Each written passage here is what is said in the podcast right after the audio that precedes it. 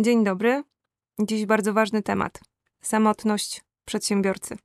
Kolejna tajemnica małych firm, czyli jednoosobowych działalności gospodarczych. I moje rozwiązanie. Grupy Mastermind. Ja nazywam się Barbara Jurga, a to jest podcast Sekretne życie ludzi firm, bo firmy to ludzie. Zapraszam. Moja zaprzyjaźniona prawniczka Asia zawsze mówi, że wiesz, mam wrażenie, że ludzie, którzy decydują się na otworzenie własnej działalności gospodarczej, to są ludzie, którzy w tym samym momencie podpisują taki glejt, umowę, która się nazywa samotność przedsiębiorcy. Ja się z nią zgadzam, absolutnie. W dużej firmie masz zarząd, w dużej firmie masz dyrektorów poszczególnych pionów, produkcji, sprzedaży, marketingu.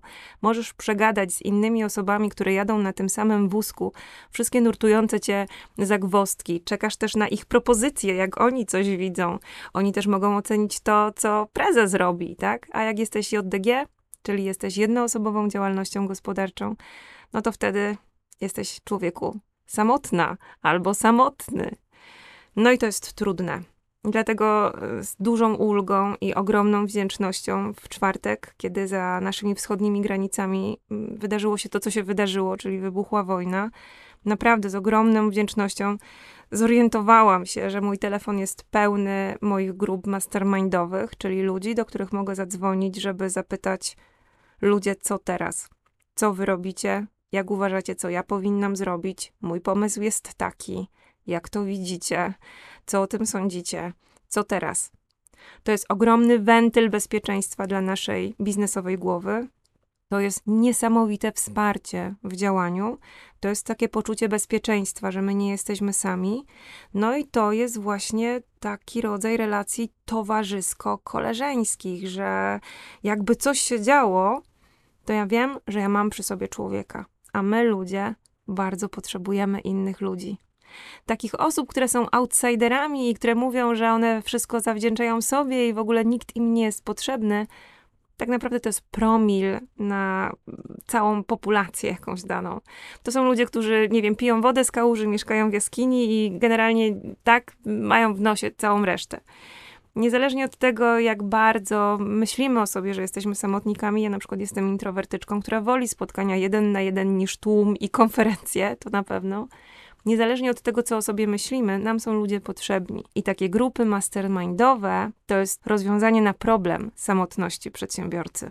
Tak więc dzisiaj cały odcinek, jak taką grupę mastermindową znaleźć, na co zwrócić uwagę, na co uważać, na co patrzeć, jak, jak ona się tworzy, czego dopilnować. No i właśnie ten odcinek w całości o tym, tak? Czyli cienie, blaski i moje doświadczenia, zarówno te dobre, jak i te bardzo, bardzo niedobre, w tych kilkudziesięciu minutach specjalnie dla Ciebie. Ja w biznesie jestem 21 lat, swoją firmę prowadzę od 13 lat, już minęło 13 lat. I muszę Ci powiedzieć, że pierwszy raz w ogóle zetknęłam się z pojęciem mastermind w podręczniku e, typu poradnik, tak? Poradnik e, amerykański. To była książka Napoleona Hilla, Myśl i Bogać się. Kompletnie wtedy nie wiedziałam, o czym on do mnie rozmawia. Dlatego, że ja wtedy po pierwsze pracowałam na etacie, po drugie e, to, co było amerykańskie, to było tak abstrakcyjne dla świeżo rodzącego się biznesu w Polsce, że pewne propozycje, które w tych podręcznikach już wieloletnio i wielodekadowo funkcjonowały na zachodzie, no to u nas to jeszcze nie było do, w ogóle do przełożenia, tak? Więc mnie ten temat nie siadł. On się do mnie nie przykleił. Jak tutaj znasz ten podcast, to wiesz, że ja bardzo często opowiadam o tym, że co, z czymś się zetknęłam wcześniej, ale potrzebowałam wielu lat, żeby, żeby coś tak naprawdę do mnie dotarło. Natomiast w pewnym momencie miałam biznesowo taki moment, aha, bo o ile ja nie umiałam przełożyć tych jego propozycji na nasz polski rynek, wydawało mi się, że to jest niemożliwe, że Polacy są bardzo zachowawczy, że nikt się nie będzie dzielił doświadczeniami ze swojego biznesu, nikt nikogo nie będzie wspierał. My mamy pewien taki charakter narodowy. O tyle mm, myślę, że to jest 2004 rok, tak, na pewno. 2004 rok, kiedy ja trafiam do swojej pierwszej franczyzy. Jak wiesz z poprzednich podcastów, prowadziłam kilka łańcuchów franczyzowych jako marketingowiec i strateg. I to jest jeden z pierwszych łańcuchów franczyzowych.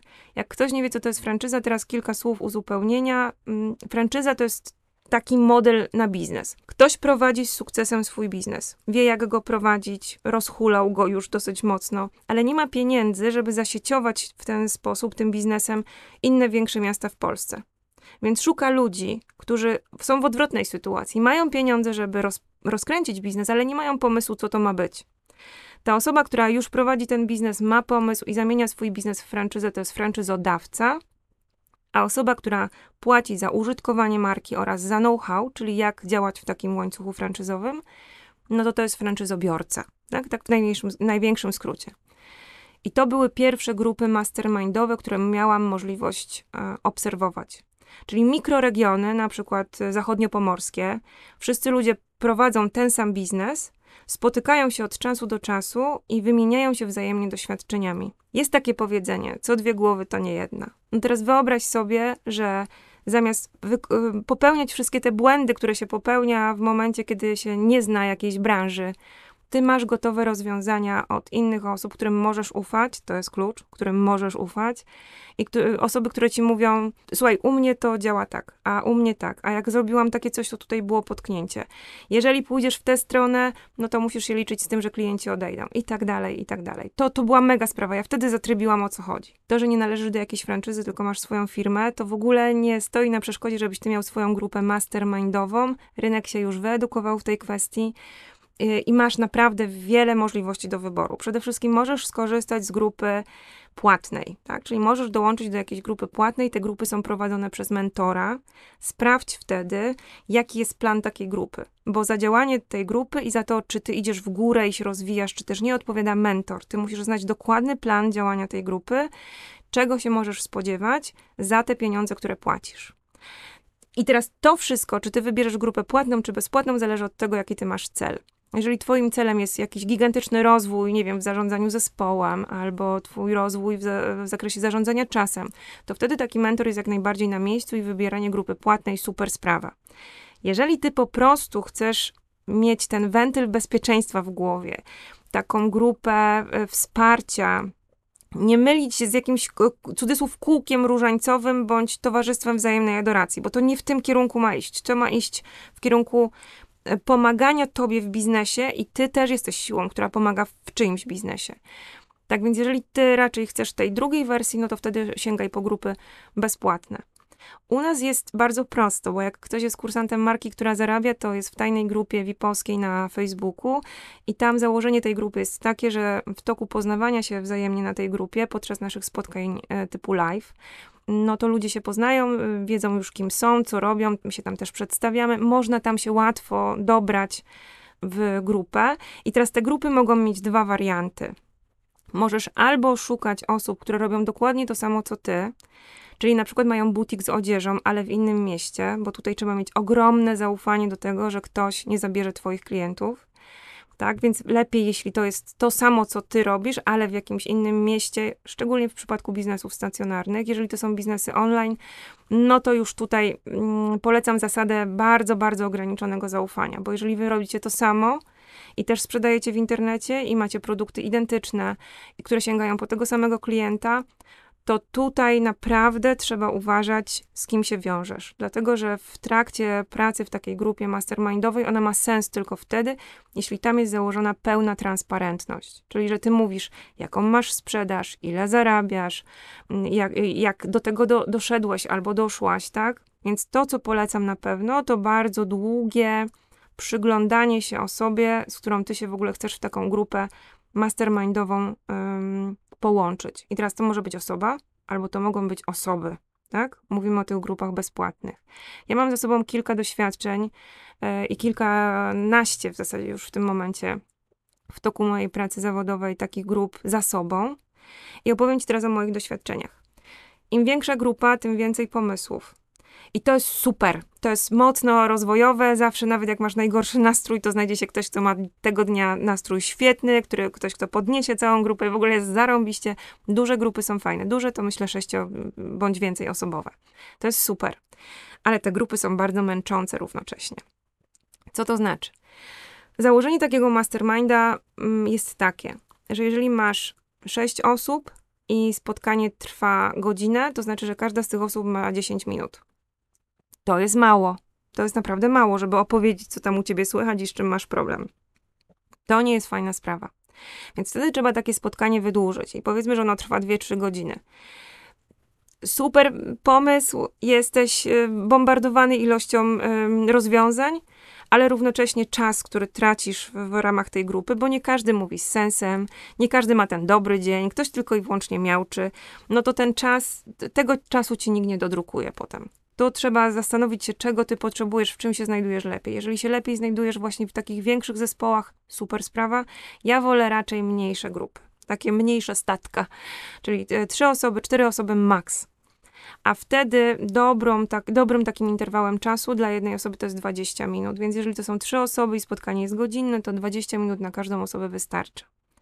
Moje doświadczenia są też takie, że od czasu do czasu ktoś z nas ma gruby problem, bo coś się posypało i trzeba naprawdę wszystkie ręce na pokład yy, i wszystkie siły przekierować na jedną osobę. Wtedy oddajemy takie 60 minut jednej osobie, czyli 100% czasu dla jednej osoby. I wtedy e, podejmujemy pewne decyzje, ale to jest ustalone wcześniej. I teraz właśnie o tym, że wszystko musi być ustalone wcześniej. Nie licz, kochana, albo nie licz, kochany, na to, że tutaj w toku i w praniu coś się samo e, ustabilizuje albo ustali. Wszystko musisz mieć ustalone wcześniej, czyli pierwsze spotkanie grupy mastermindowej, jak już znajdziesz takich ludzi, to to pierwsze spotkanie musi polegać na tym, żeby ustalić, jak pracujecie, na jakich zasadach, kiedy się spotykacie, o której godzinie, ile trwa spotkanie, jaki jest schemat takiego spotkania, czy to są właśnie 15-minutówki, czy to są 20-minutówki. Czy jak ktoś ma duży problem, to wtedy 100% czasu dla tej osoby, ale wtedy może następne spotkanie polega na tym, że ten czas jest podzielony między dwie osoby. Pomysłów na to, jak może wyglądać taki mastermind, jest tyle, ile ludzi. Tak? Więc tutaj nie ma, że to na sztywno, bo Jurga powiedziała, nie, nie ale to, co na pewno trzeba zrobić, to na pierwszym spotkaniu coś ustalić. I jeśli to nie będzie działać, czyli jeżeli jakieś z Waszych mm, rozwiązań nie sprawdzi się, no to wtedy można to zmienić na inne, żeby przetestować, czy to inne będzie działać. Ale z całą pewnością to musi być ustalone na początku, żeby nie było wątpliwości, że my idziemy według pewnego schematu. I teraz o tym dlaczego. Posłuchaj, w nas ludziach jest coś takiego, że nam, my jesteśmy strasznymi egoistami i są na to grube badania. E, były kiedyś robione takie badania pomiędzy małżonkami i partnerami. I mieli oni określić procentowo, w jakim stopniu oceniają swoje zaangażowanie w różnych tematach, tam finansowych, zajmowania się dziećmi, zarabiania pieniędzy, zaangażowania w prace domowe. Mieli ci partnerzy określić procentowo, jak, jak oceniają swoje zaangażowanie.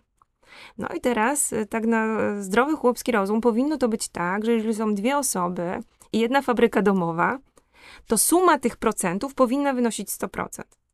Czyli na przykład kobieta będzie o sobie myślała, to jest bardzo stereotypowe, ale załóżmy, że taki przykład tutaj analizujemy, że ona się zajmuje dziećmi i zajmuje się wychowaniem tych dzieci i siedzi w domu, to jej zaangażowanie w ten dom to jest 80%, a mąż powinien wtedy w tym punkcie wycenić swoje zaangażowanie na 20%, nie?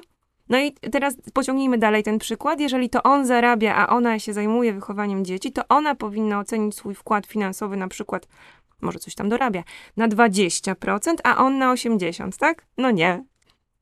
Jakież było zaskoczenie badaczy, kiedy okazało się, że suma tych wzajemnych ocen jest e, zawsze wyższa niż 100, niż 100%.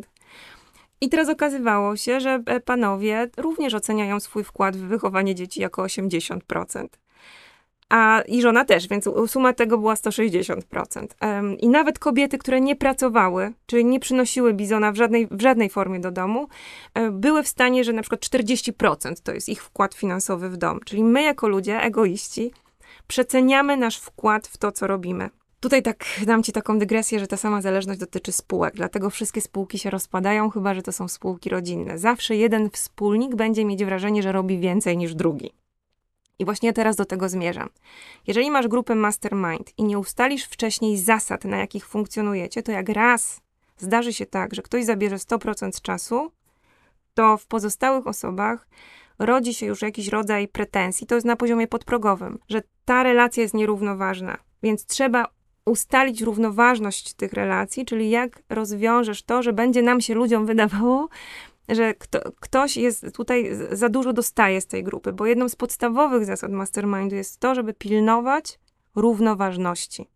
Pilnuj równoważności. Ja o tej równoważności jeszcze dużo powiem na końcu.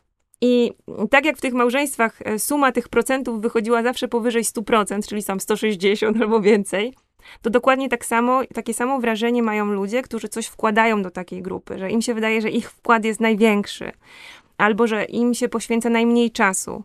I zapewniam cię, to nie jest ocena nas ludzi, tylko to jest spostrzeżenie badawcze. 10 minut, w którym ktoś pracuje na ciebie i rzuca dla ciebie pomysły, kiedy ty jesteś w centrum uwagi, mignie ci po prostu niezauważalne, jak jedna minuta. 10 minut, w, którym to ty musi, w których to ty musisz słuchać czyjegoś problemu i to ty doradzasz, ciągnie się człowiekowi w nieskończoność. Absolutnie w nieskończoność. Dlatego tak ważne są te zasady, żeby one były raz ustalone na początku, a potem, kiedy przychodzi jakaś tam sytuacja, stosujemy zasadę z punktu czwartego. Tutaj zapewniam Cię, wszystkie grupy, w których brałam udział, które nie miały ustalonych zasad, które były takie na luźnej łydzie robione, bo a co tam będziemy spisywać, po co nam jakiś regulamin albo zasady, to one się wszystkie rozpadły. One się też rozpadały przez e, na przykład coś takiego, że pierwszy raz się spotkaliśmy tam w piątek o 16, czy tam we wtorek o 16 i było, no dobra, czy wtorki o 16 zostaje? Ktoś mówi tak, no to dobra, to, to, to niech wtorek zostanie, ale już tą godzinę to sobie bliżej poniedziałku tam dogadamy na SMS-ach, nie? Najgorsze z możliwych rozwiązań. Raz ustalona godzina, jeden dzień tygodnia. Jak ktoś wtedy nie może, no to trudno, no to wypada z grupy. Jeżeli w jednym tygodniu ktoś się wysypie z tej godziny i powie, wiesz co, ja teraz nie mogę, a JDG zawsze czegoś nie może, bo zawsze coś robi to masz pewność, że zapisze się to w innych um, uczestnikach grupy mastermindowej takie wrażenie, że no te, ten tydzień, konkretnie ten tydzień to jest dla mnie ciężki, więc tym razem to ja nie mogę we wtorek, tak? Czy tam w ten piątek. I się z, zaczną takie E, odstępstwa od tego, co jest umówione. I te grupy się rozpadają. Tak jest moje doświadczenie wszędzie tam, gdzie nie było mm, trzymania się, takiego reżimowego trzymania się jednego dnia i jednej godziny, te grupy się rozpadały. Prędzej czy później te grupy się rozpadały. Najczęściej nie trwały dłużej niż 6 tygodni, z czego połowę spotkań się nie odbyło, bo nikomu nie pasowało. Wskazówka dla ciebie? Raz ustalony termin wpisany na sztywno dla, do kalendarza, na który wszyscy się zgadzają. Dlatego mniejsza grupa to jest większa szansa na dogadanie wspólnego terminu. Jak masz 12 osób, prawdopodobieństwo dogadania wspólnego terminu, gdzie każdy JDG jest zajęty, praktycznie równa się zero. Tak? Natomiast to wszystko zależy od tego, czy wolisz mniejszy zespół, czy wolisz e, większy zespół. Tak naprawdę to wszystko zależy od ciebie. Kolejna rzecz. E, jeżeli już jest ten termin ustalony, przyjmujemy takie założenie, że wszyscy muszą na tym, te, muszą na tym spotkaniu być. Jeżeli ktoś nie może być z jakichś tam względów jego strata, nie, na, nie, nie dodajemy mu czasu w następnym, w nas, podczas następnego spotkania, i to było dobre rozwiązanie w paru przypadkach, bo się okazywało, że tam wszyscy tak, o, będziemy, będziemy, będziemy, a potem już bardzo szybko następowała weryfikacja, kto z takiej grupy odpada i zostawał taki rdzeń osób, które faktycznie szanują cudzy czas i, i są zawsze o danej porze danego dnia i ze sobą pracują. No i tutaj wjedzie element miękki. Ludzie w grupie mastermind muszą się lubić. Jeżeli nie zaistnieje coś takiego jak chemia, e, która potem skutkuje tym, że komuś ufasz, to takie grupy mastermindowe się rozpadają. I teraz tak, jeżeli ty dzisiaj pod wpływem tego podcastu zaczniesz organizować jakąś swoją pierwszą grupę mastermindową i ta grupa się rozsypie, albo się z kimś nie polubisz i będziesz się biczować, to już ci mówię, nie rób tego. W zasadzie mogę powiedzieć, że z tego, co pytałam przedsiębiorców, to grupy mastermindowe wieloletnie to jest wyjątek od reguły. Reguła jest inna. Najczęściej my przystępujemy do takiej grupy, bierzemy coś z niej, dajemy coś jej i potem przychodzi taki czas, że w zasadzie tutaj już wszystko załatwiłam, załatwiłem, idę dalej. I wtedy idę do innej grupy mastermindowej, która z kolei ciągnie mnie wyżej, nie? Więc tutaj się nie biczuj. Może tak być, że to się nie uda za pierwszym razem. Mówię uda, bo to jest kwestia losowa, a nie wypracowana przez ciebie. No i to może się tak zdarzyć, że się z ludźmi nie będziesz lubić. A jak się z ludźmi nie lubisz, to im nie będziesz ufać. I tutaj żadnej współpracy nie będzie. Gdybym miała zebrać w takie trzy punkty najważniejsze rzeczy, które są niezbędne do tego, żeby w ogóle grupę mastermindową stworzyć, to bym powiedziała, że to jest równoważność, Czyli pilnuj równoważności. To, o, to jest wskazanie. Pilnuj równoważności, czyli nie pozwalaj, żeby ktoś mówił za długo. Mm, jeżeli ktoś przekracza ten czas, informuj otwarcie o tym, że każdy z nas ma 20 minut. Nie, nie przeciągaj tych spotkań. Tak? Czyli równoważność, żeby wszyscy mieli tyle samo czasu. W aspekcie tej równoważności patrz też na takie rzeczy, czy to nie jest przypadkiem tak, że dwie osoby pracują na tą trzecią. Zawsze, zawsze, nie? Czyli jedna osoba troszeczkę zamienia się w pasożyta, sama nic nie wnosi, sama w niczym nie pomaga, sama za każdym razem mówi, no ja nie wiem. No to nie potrzebujesz takiego, ja nie wiem, w tej grupie. Tobie jest potrzebny ktoś, że jak zapytasz, powie ci, ja bym to zrobił tak. I tak odpowiedzialność na końcu jest twoja, nie? Natomiast nie potrzebujesz ludzi, którzy się wahają, którzy w zasadzie czerpią z ciebie, a zwrotnie nic nie dają. I teraz tutaj mój taki drobny komentarz. Jeżeli mi się rozsypały jakieś mastermindy, to mnie się rozsypały przez właśnie brak równoważności. Ktoś we mnie widział po prostu złotą żyłę wiedzy marketingowo-biznesowej, za którą nie musiał płacić, a równocześnie nie rewanżował się wkładem w moje potrzeby, które oczywiście były. Ty się pewnego dnia zorientujesz, że ta relacja nie jest równoważna. Ty się zorientujesz, że to jest trochę na zasadach pasożytniczych. Dawcy niestety orientują się trochę za późno, ale się zorientują. Ja w ciebie wierzę, ty też się zorientujesz. I ja wtedy daję jeszcze trzy szanse, znaczy dwie szanse, czyli łącznie trzy. Stare moje powiedzenie, raz przypadek, dwa razy prawo serii, trzy razy styl życia, z tym już nic nie zrobisz, właśnie się związałeś z kimś w relację pasożytniczą, to nie jest symbiotyczna relacja, to jest relacja polegająca na tym, że ktoś ciebie drenuje. Czy ja się z czymś takim spotkałam? Oczywiście. Czy ja y, się z takiego czegoś umiałam y, no, wyrwać albo pozbyć takiej relacji? No, widzisz, no, cóż, zacięłam się.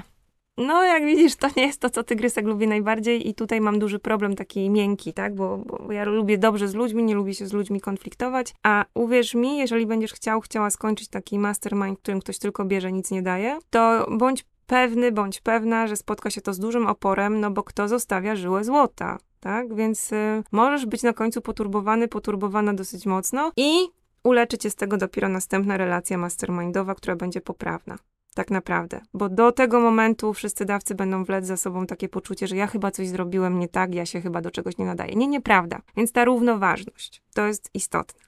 Druga rzecz, transparentność. Jeżeli macie ten sam temat, jeżeli macie tą samą branżę, jeżeli macie tego samego klienta, o transparentność jest trudno. I tutaj uważaj, bo możesz zostać naciągnięty, naciągnięta i ta mastermind obróci się przeciwko tobie. Ja raczej zawsze sugeruję, żeby dobierać się w biznesach, um, które nie są biznesami tematycznie identycznymi. Czyli na przykład ten fragment mojego biznesu, gdzie sprzedaję online, no to mam grupy mastermindowe z innymi osobami, które sprzedają online. Każda z nas ma inne produkty, każda z nas, bo to akurat kobiety są, każda z nas ma innych klientów, innych odbiorców, każda z nas działa w innej niszy. My sobie w ogóle nie zagrażamy, ale my mamy podobne problemy. Tutaj pełna transparentność pomaga w tym, żeby takie grupy mastermindowe się jednoczyły, żeby one się zżywały, żeby po tym kwartale to byli, być jeszcze bliżej niż było się wcześniej, a po pół roku, no to już w ogóle my jesteśmy jednym organizmem, tak?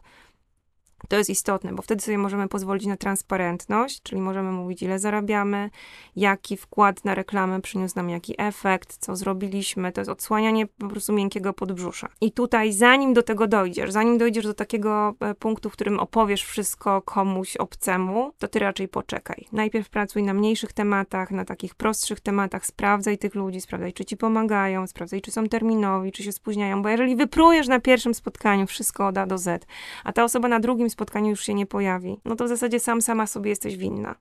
Tutaj już nie możesz mieć pretensji do tego, że ludzie są źli. No pewnych rzeczy nie mówi się, tym bardziej biznesowo na samym początku. Daj czasowi czas.